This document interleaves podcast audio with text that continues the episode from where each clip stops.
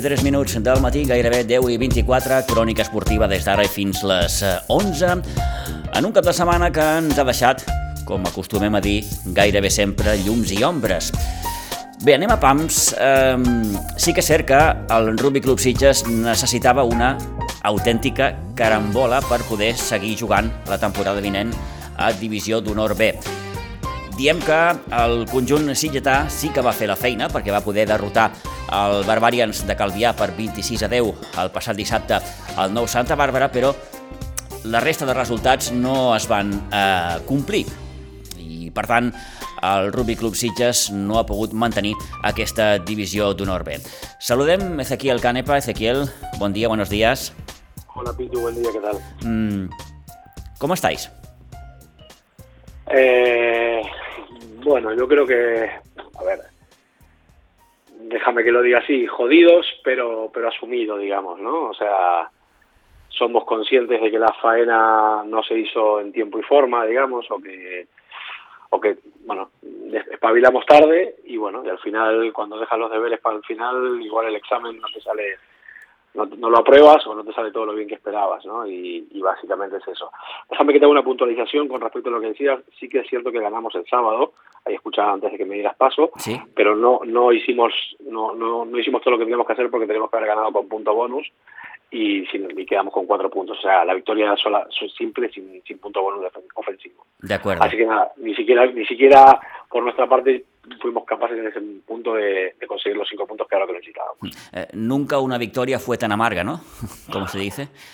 Sí, sí, sí. La verdad que si, si miro, comparo las caras del, del partido del sábado después de terminar o las caras del partido anterior contra San Roque en casa, te diría que fue mucho más amargo ese partido porque, porque si bien en el primer tiempo desplegamos, te diría que el mejor rugby casi de toda la temporada, 31 puntos, punto bonus, nos fuimos al descanso adelante por 15 puntos, creo, una cosa así. Hmm.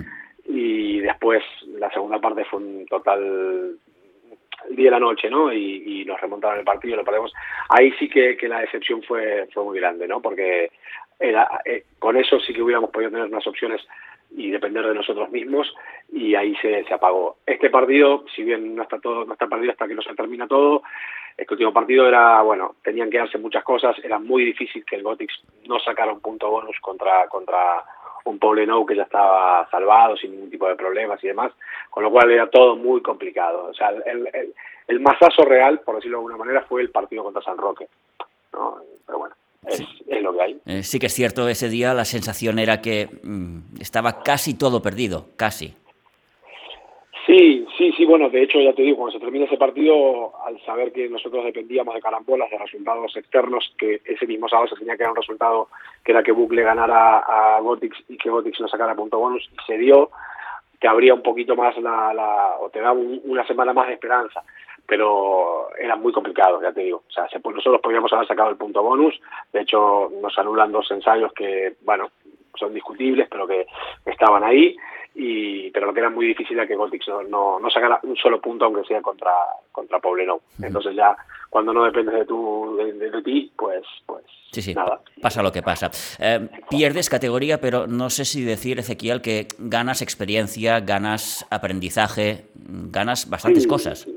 No, no, por supuesto. A ver, eh, evidentemente, eh, una vez digerido lo- el descenso y, y hecho el duelo, por decirlo de alguna manera, tienes que valorar y sacar todo lo positivo que, ha, habido esta temporada y que ha habido mucho, ¿no? Y, en cuanto a club, en cuanto a equipo, en cuanto a experiencia, en cuanto a, a, mm, aprender y darse cuenta de qué cosas no se pueden dejar de lado o de qué o de qué, qué es lo que no no podemos volver a repetir como cometer los mismos errores. Cometeremos otros y en algunos por ahí repetiremos pero yo creo que hay mucho mucho positivo mucho positivo sobre todo la juventud de los chicos sobre todo el, el, el crecimiento en juego que hubo desde el principio hasta ahora. Eh, claro a veces esto igual quien lo escuche y no nos conozca dice bueno mira eh, te agarras un poco es una es un consuelo no y bueno la verdad que no es una realidad pero a mí tampoco me gusta expresarlo tanto así porque bueno vale me conformo no no no soy de naturaleza conformista y, y si bien es cierto que hay muchas cosas positivas eh, me cabrea no poder continuar para que ese aprendizaje y para que esa ese bagaje que metimos en, en, los cuerpos y en las, las, cabezas este año pudiera continuar en, División de Norte y bueno, mm. eso no, no, ha podido ser. Mm. ¿Qué os ha faltado? Uf. Yo lo tengo muy claro, lo que pasa que lo que pasa que, que, no sé si, si voy a ser capaz de decírtelo con las palabras más políticamente correctas. Ya. ¿Qué nos ha faltado ser un equipo o querer ser todo lo que significa ser un equipo de división de Norbe? Para mí, y mira que llevo años jugando en Siches, o sea, llevo, bueno, llevo 30 años en el club y, o, sea, una cosa así, y, las fechas señaladas en, el pueblo son muy son muy críticas para, para el equipo, por, lo menos en rugby, no sé lo que pasará en los otros deportes, pero el partido vital para nosotros, el, el, que era la piedra de toque y el que era el que había que ganar 100%, sin, o sea, nosotros nunca salimos al campo a los chicos que tenían que ganar sí o sí. El único partido que había que ganar sí o sí era contra Gotix en su casa y el calendario nos regaló que fuera la semana de carnaval. Y carnaval en sí, que ya sabemos todos lo que es, cuando entras al campo con eh, faltando dos días se te caen dos jugadores con gripe, la gripe puede venir por, por defensas bajas, por haber dormido poco, por haberte excedido en según qué cosas, y bla, bla, bla, y se te caen tres jugadores titulares del equipo, eh, bueno, más varios de los que entran al campo no entran al 100% de, de, capacidades, y pierdes un partido en el último minuto con un penal, ¿no? Entonces, mi óptica y mi visión es que ahí es donde se nos da cuenta la temporada. Veníamos de ganar un partido a Valencia, jugando excelente, con punto bonus, bla, bla, bla. El siguiente partido, que es el que tenemos que ganar, nos tomamos la licencia de, de relajarnos irnos de carnaval y lo perdemos. Y a partir de ahí, no es que ese resultado te lastre todo, pero ese resultado te lastra la cabeza. Sabes que es el partido que tenías que ganar y que no lo has ganado, vienen otros resultados, vienen resultados buenos y bla, bla, bla, pero, pero tienes que remontar mentalmente eso, ¿no? Entonces, esa es mi visión, ¿eh? no, no digo que sea la acertada, pero si me dices dónde estuvo, pues para mí estuvo ahí. Eso es lo que faltó. Faltó ser un equipo de división de Norbe que pase del carnaval o pase de uno de los días del carnaval y, y, ponga lo que tenga que poner. Porque el carnaval les va a haber todos los años, pero ese partido era uno solo, ¿sabes? Exacto. Y entonces, claro, esa mochila cada vez pesa más y más y más y más. Sí, sí.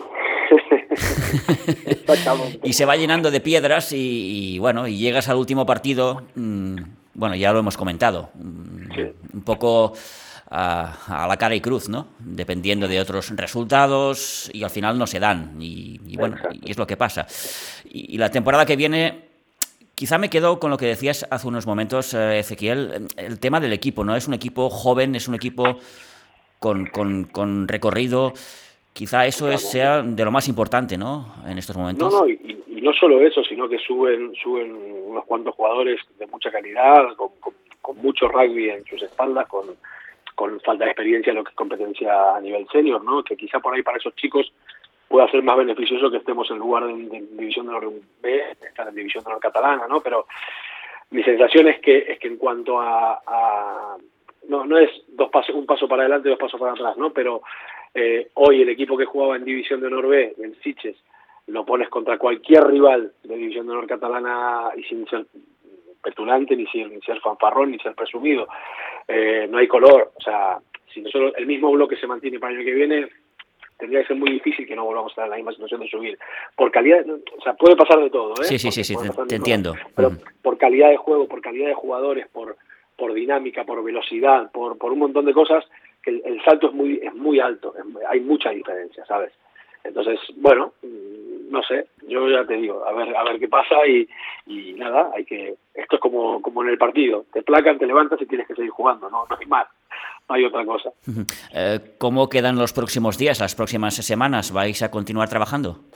Sí, sí, sí, sí, sí, a ver, eh, la Federación Catalana organiza ahora una, lo que es una Copa Catalana de, de, de Rugby 7, no es el mejor entorno, la verdad que no, entendemos muy bien por qué, por qué van por ese camino, porque realmente estás mermando o estás cortando la posibilidad de que algunos algún tipo de jugador pueda seguir compitiendo, ¿no? Porque no le puedes pedir a los cinco de adelante, a los pilieres o a las segundas líneas que jueguen un seven, que no es, no es un juego apto para, o válido para sus características como jugador, entonces cortas un poco. Hay un par de, amistosos eh, con gente, con equipos de fuera que, están, hay uno confirmado y, uno o dos que están por confirmar, entonces sigue habiendo actividad. También un poco la, el pensamiento es, bueno, tomarnos este mayo un poco más de, relax, estamos organizando una una gira que aún no sabemos bien dónde, pero irnos un fin de semana a jugar un partido de rugby fuera, hacer un poco de, de, unión, de grupo y, divertirnos y, bueno, finalmente eh, no celebrar, pero bueno,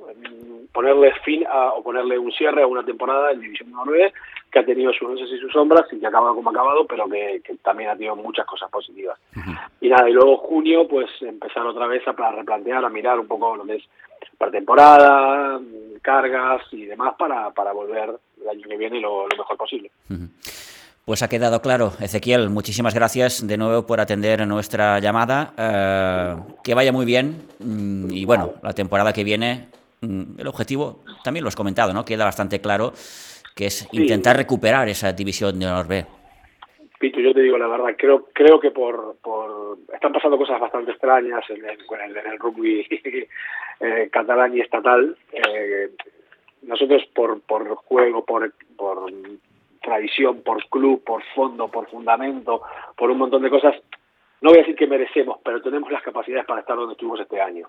Entonces hay que volver a estar ahí, hay que hacer todo lo que se tenga que hacer para estar ahí y bueno, y esperemos que se, que se pueda lograr. ¿no? Yo, como última cosa, lo que sí quería dar, las gracias y, y, bueno, y demostrar el, aprecio y el, bueno, y el agradecimiento, valga la redundancia, hacia vosotros, hacia toda la, bueno, todo el estamento público de Siches, privado, periodistas, el ayuntamiento, que siempre nos ha, nos ha apoyado. O sea, la temporada ha sido bonita, ha sido dura, ha sido competida, pero hemos contado con un gran apoyo de, de Siches en general, ¿no? Y ahí incluyo, pues, Maricel, incluyo el ECO, incluyo toda la gente que, que ha venido al campo, que, ha estado siguiéndonos, que se ha interesado por, nosotros. Así que muchas gracias y esperamos que el año que viene, poder en esta, a esta etapa del año, poder contarles que estamos volviéndonos a, División de Norte. Muchísimas gracias a vosotros, Ezequiel. Un abrazo. Venga, un abrazo, cuídate, Pitu.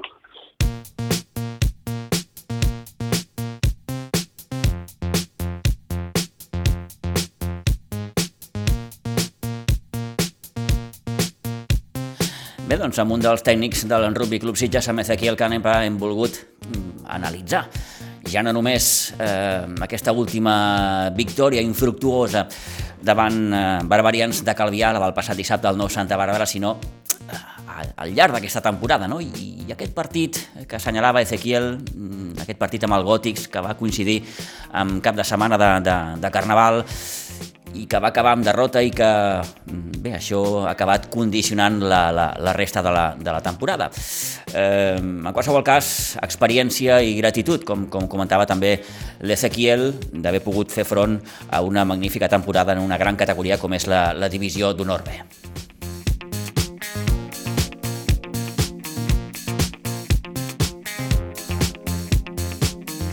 Una de les bones notícies que ens deixa el cap de setmana és la victòria d'ahir del bàsquet Sitges, un bàsquet Sitges que, per cert, ha debutat amb una soferta victòria a les fases d'ascens. Un triple de Bustos en els darrers segons de la pròrroga li va acabar donant el triomf per 90-93 a Girona davant el Club Bàsquet Quart. Juan Antoni Bustos, bon dia, bona hora. Bon dia, com estem? Molt bé, i, i tu?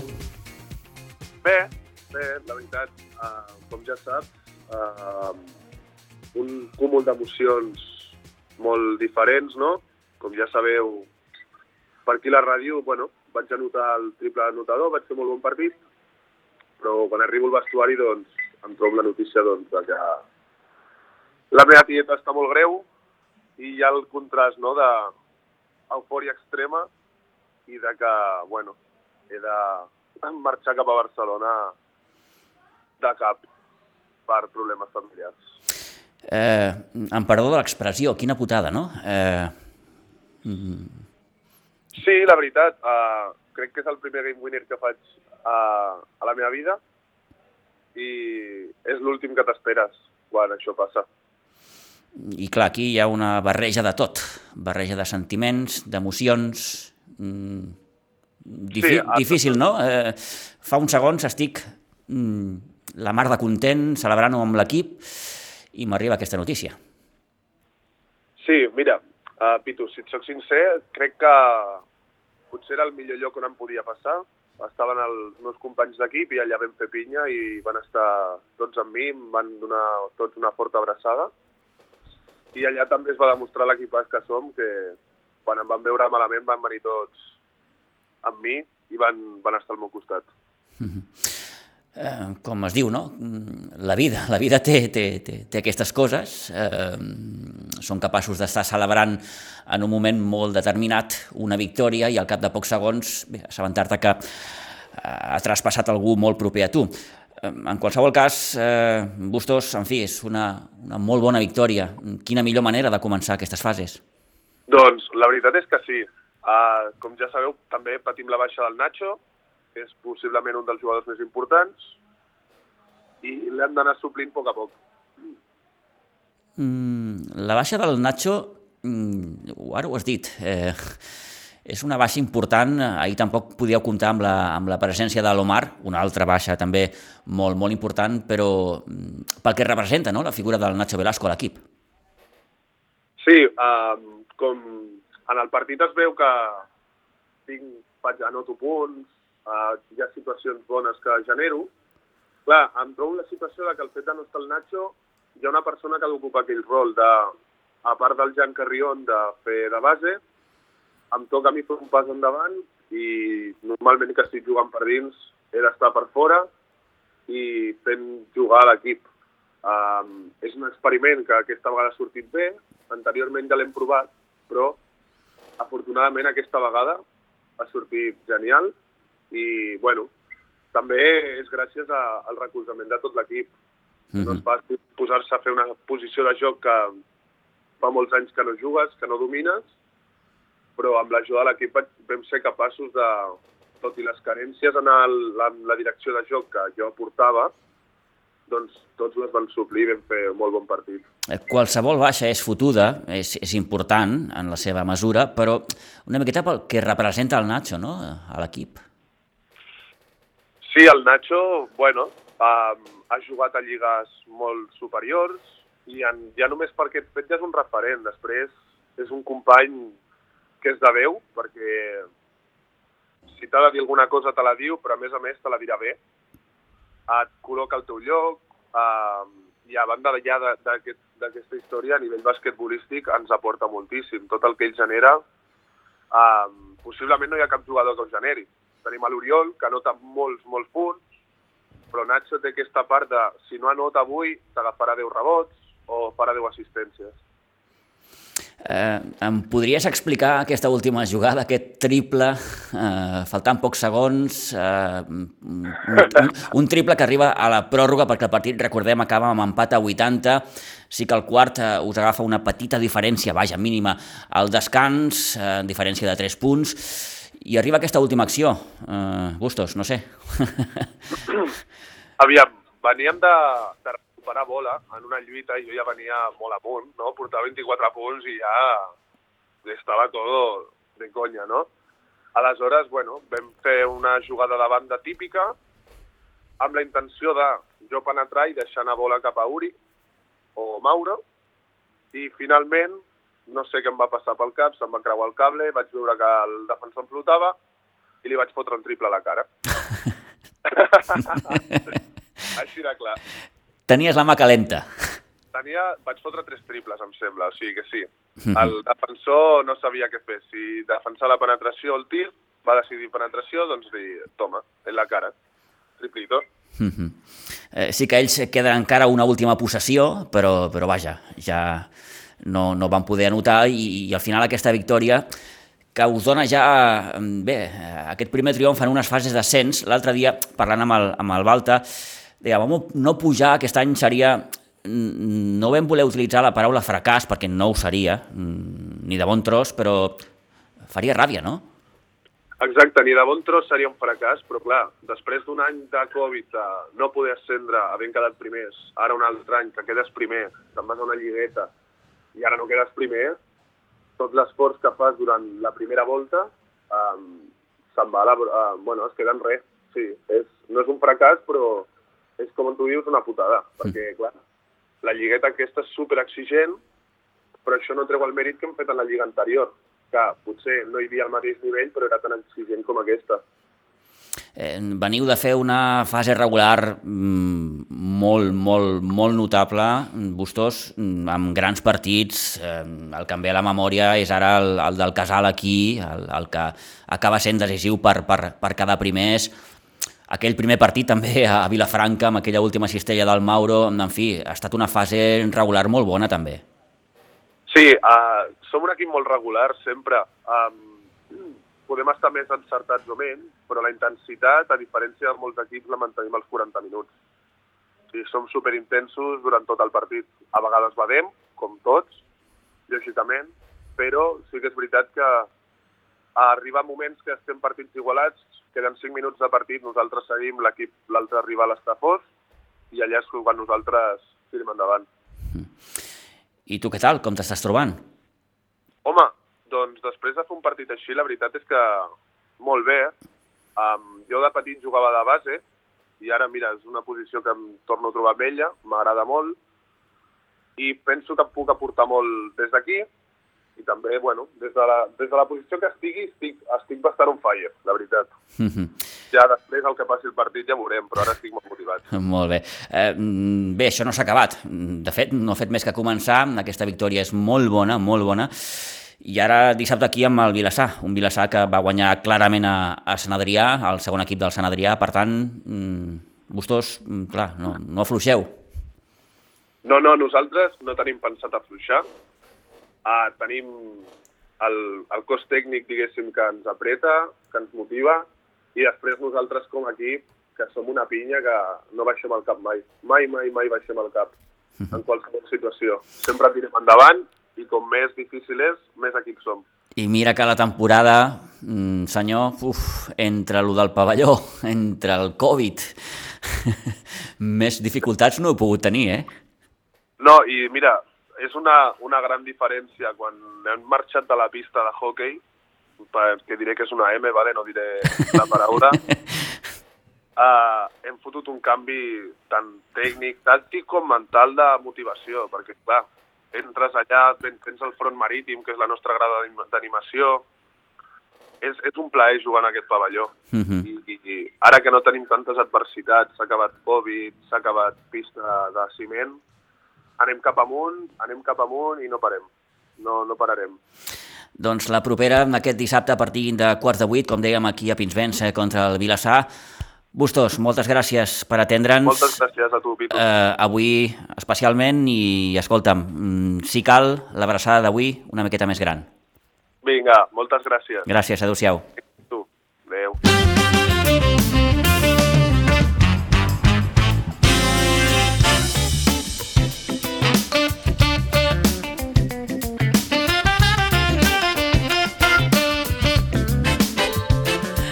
Doncs, partidars de Juan Antonio Bustos amb aquests 27 punts, amb aquest triple que li va acabar donant la victòria amb el bàsquet Sitges i ara ens queda per escoltar la valoració que ens feia i ens feia arribar Balta Molina, l'entrenador, després d'aquesta victòria ahir a Girona. Doncs mira, un partit molt emocionant, increïble, gairebé èpic.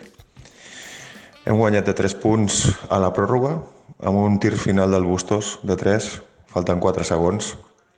Espectacular.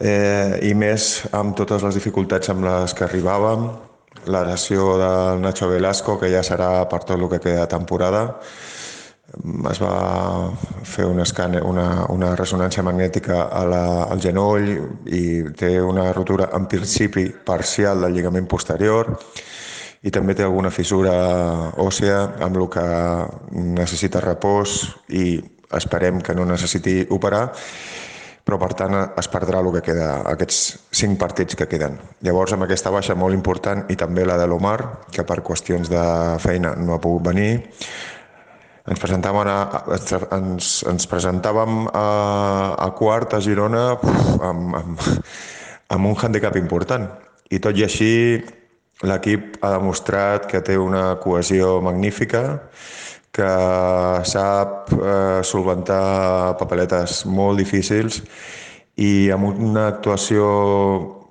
no gaire bona, et diria, perquè hem tingut forces vegades en defensa, hem arribat a perdre 20, 20 pilotes. Mm, clar, mm, tot i així, l'equip, amb aquestes dificultats i fent un, un, un percentatge d'encert al tir mm, normal, i fins i tot en tirs lliures una miqueta baix, eh, tot i així ha sapigut combinar i que tothom participi. Ha estat una actuació molt coral, destacar espectacularment el partit del Bustos, que ha fet 27 punts, jugades molt decisives i l'última ja definitiva.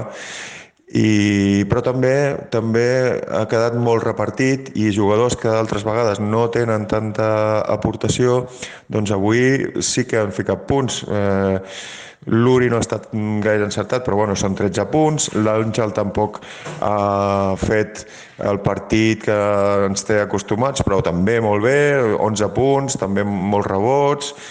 Eh, L'Adri, 8 punts, amb un triple mm, molt proper al final de partit, també molt important. El Noel, 9 punts, el Mauro, 8 el Janset i, i també destacar la feina, el rebot del, del Nil Belmonte, que ha estat espectacular en definitiva, tothom érem conscients de que ens faltava una peça o dues peces importants i que havíem de donar una miqueta més cadascú de sí per, per poder tirar el partit endavant i hem tingut la sort de que, de que sí, així ha estat. L'equip, el quart, l'equip és, un, és un molt bon equip, físicament molt potent, molt ràpids, eh, també molt treballadors, amb una defensa eh, que ens ha creat molts problemes i, i també amb el rebot, que pràcticament nosaltres estem acostumats a dominar-lo i ha estat molt igualada la cosa, un rebot a dalt, un equip o un altre, i anàvem molt forts, però tot i així, mira, hem tingut sort, hem tingut cap i hem tingut molt d'acord per tirar el partit endavant i estic contentíssim i orgullosíssim.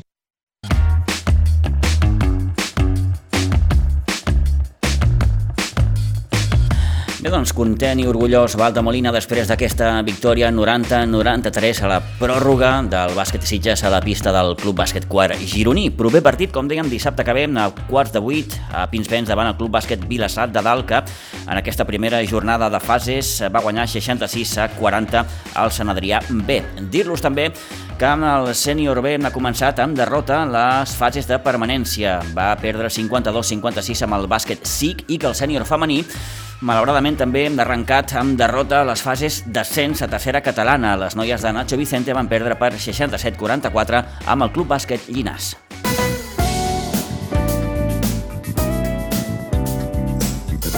Obrim tot seguit carpeta futbolística, comencem ja a repassar els resultats en matèria de futbol base. Tenim ja l'Isidre Gómez al telèfon. Isidre, bon dia, bona hora.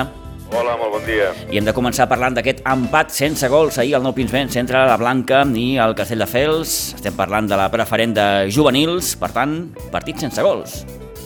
Sí, va ser... va tenir fases. Va haver-hi fases de que no jugaven a res, diguem que avorrit, i va haver-hi fases de que eren en un anar i tornar, pocs xucs de porteria, nosaltres vam tenir dues oportunitats a la primera part, que no les vam assolir. Ells van tenir un penal que el va parar sortosament el nostre porter i a l'última jugada vam tenir l'oportunitat d'una pilota que va sortir fregant el pal que ens hagués pogut donar els 3 punts. Però, bueno, ens quedem contents amb l'empat, que és el que es tractava de no perdre punts. Sí, una mica de tot, no? El partit que pots guanyar, però que també pots perdre i acabes sí. Amb, aquest, amb aquest punt. -huh. Bé, és el punt número 36 de, de la Blanca a la Lliga, eh, que ocupa ara mateix el novell lloc de la classificació, per tant, sí que queden poques jornades a la juvenil A que no haurà de patir vaja, per, per poder mantenir aquesta preferent una temporada més. La resta de resultats, perquè recordem que el juvenil B tenia jornada de descans, Isidre? Doncs pues mira, començarem pel cadet A, que va empatar a casa 2 a 2 contra el Base Olèrdola. El cadet B va guanyar també a casa 10 a 0 a l'Òdena en categoria infantil, l'infantil A va guanyar eh, 0-9 al camp de la Noia A. L'infantil B va guanyar Pinsbens 8-1 al Odena B. i finalment el C es va imposar 0-1 al camp dels Sobirats Unió Esportiva. En categoria Leví, la Leví es va imposar 2 a 14 al camp de l'Atlètic Sant Just, a la Levina va perdre Pinsbens contra el Sitges B per 3 a 5, el C va guanyar Pinsbens també al Sitges E per 5 a 1, i finalment el D es va imposar 0 a 12 al camp del Vilanova i la Geltrú F. En categoria Benjamí, el Benjamí A va perdre 3 a 6 a Pinsbens contra el Vilanova i la Geltrú A, el B es va imposar al Vilanova i la Geltrú B a casa seva per 2 a 3, el C va guanyar el Sitges a Pinsbens per 5 a 2 i finalment el D va guanyar 1 a 2 al camp del Sant Mauro. Això ens dona uns balanç de 10 victòries, dos empats, dos derrotes, que ens mantem la línia d'aquesta temporada que està sent força bona. Línia victoriosa, eh? Més enllà d'aquests sí, sí, pocs partits no. que de moment s'estan perdent i empatant, fins i tot. Sempre ara mirava aquí el, global, l'equip que tenim més mal classificat és el juvenil A, que es va novè, imagina't els altres, doncs, uh. -huh. primers, segons, tercers, quarts, cinquers, molt bona temporada a tots els equips en general. Ara que ens acostem ja al final de temporada, es manté, per tant, aquest balanç positiu pel que fa als equips de la, de la Blanca. Isidre, moltíssimes gràcies, que vagi molt bé. Gràcies a vosaltres, fins una altra. Adeu.